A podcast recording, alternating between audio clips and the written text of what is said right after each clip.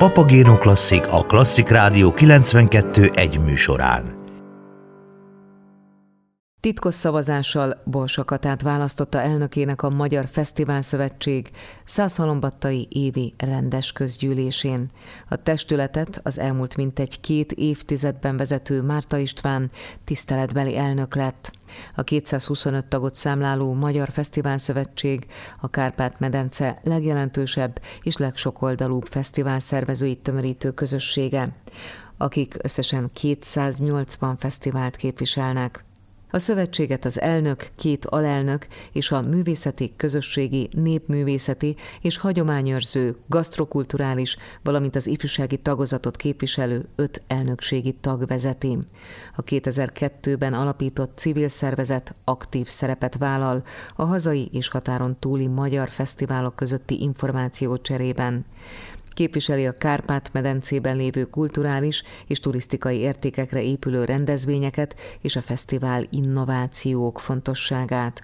Különböző fórumokon segíti a minőségi fesztiválok kommunikációját, versenyképességük erősítését, szolgáltatásaik fejlesztését, képviseli a tagok érdekeit, igényeit és javaslatait a közvélemény és a döntéshozók előtt. Emellett kapcsolatot tart az Európai Fesztivál szintérrel is.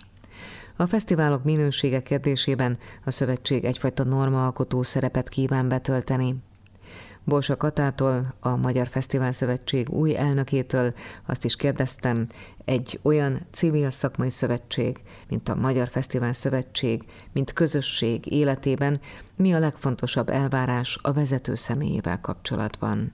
Nyilván ismerjük egymást, dolgozunk egymással, segítünk, ahol lehet. A szövetség erről szól a tagok között is, nem csak a tagok és az elnökség viszonylatában. És azt kértem tőlük, hogy arra adják a voksukat, akik szakmailag erre a munkára a legrátermettebbnek gondolnak, mert szerintem egy olyan szakmai szervezetnek, aminek a tagjait azt köti össze, hogy a közös érdekvédelmüket szeretnék képviselni, csak annak van helye, hogy szakmai alapon döntse el a tagság, hogy ki az, akit a legérdemesebbnek tart erre a munkára, és akinek a legtöbben bizalmat szavaznak, mindig legyen az a vezető.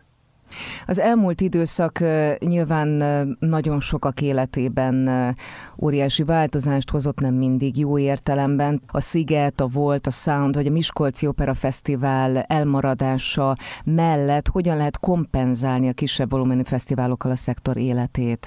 Hát igazából sehogy, azt gondolom. Maga a tisztújító közgyűlés is egy évet csúszott, vagy talán még többet is, mint egy évet, ugye a pandémiás helyzetben a jogi környezet se volt alkalmas arra, hogy egyáltalán mi magunk fesztivál szervezők összejöjjünk és együtt lehessünk, úgyhogy ez is egy nagyon nagy élmény volt a tagságnak, és nagyon szép számban megjelentek a tisztújító közgyűlésen, és hát az egyes fesztiváloknál pedig teljesen helyzetfüggő, hogy ki hogyan tudta megoldani.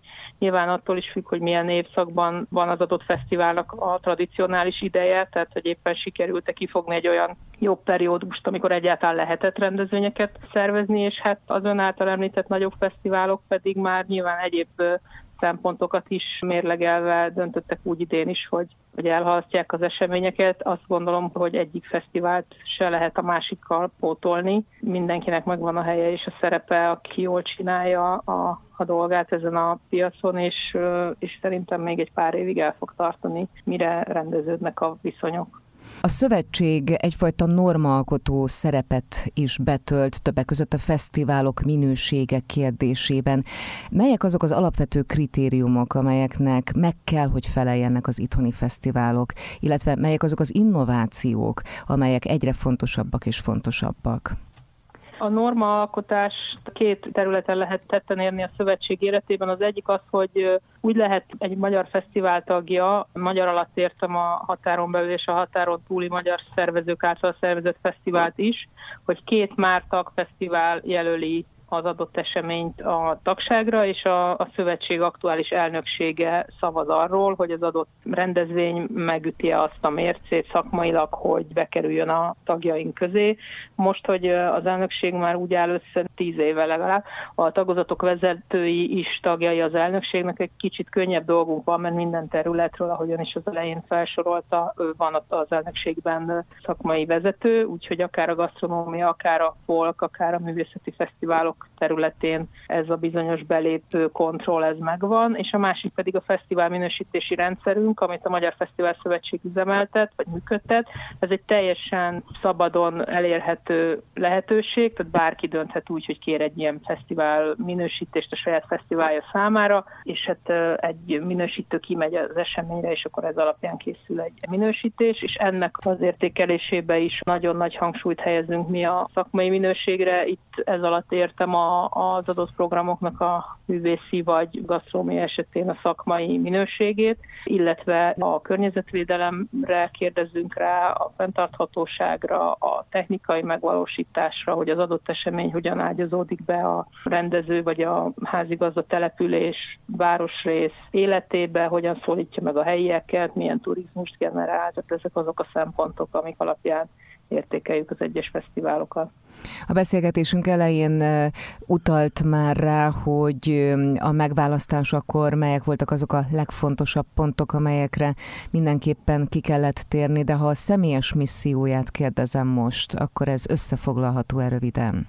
Az elmúlt két évünk a, az elnökségben, ugye én eddig alelnökként dolgoztam a Fesztivál Szövetségben, nagyban arról szólt, hogy tényleg az információk minél előbbi átadása a tagok felé, minél gyorsabb segítségnyújtásra tudunk, de ez tényleg a legtöbbször csak abban merült ki, hogy utána jártunk dolgoknak, információkkal segítettünk, lehetőségekkel segítettünk, pályázatokat tártunk fel. Azt gondolom, hogy egy fesztiválokat tömörítő szövetség is akkor működik jól, hogyha egy olyan támasza tud lenni a tagságnak, hogyha bárkinek akár jogi, akár tanácsbeli problémája van, kérdése van, akkor tudjunk ebbe segíteni. És a másik pedig az, hogy mi adjunk olyan konferenciákat, képzéseket, ismereteket, találkozási lehetőségeket, egyrészt egymás között, másrészt pedig a szakmát érintő területek képviselőitől, akár a kormányzat részéről, akár olyan kiszolgáló szakmák részéről, mint mondjuk a biztonságtechnika, vagy a rendezvénytechnika, vagy akár a jegyértékesítés, a környezetvédelem.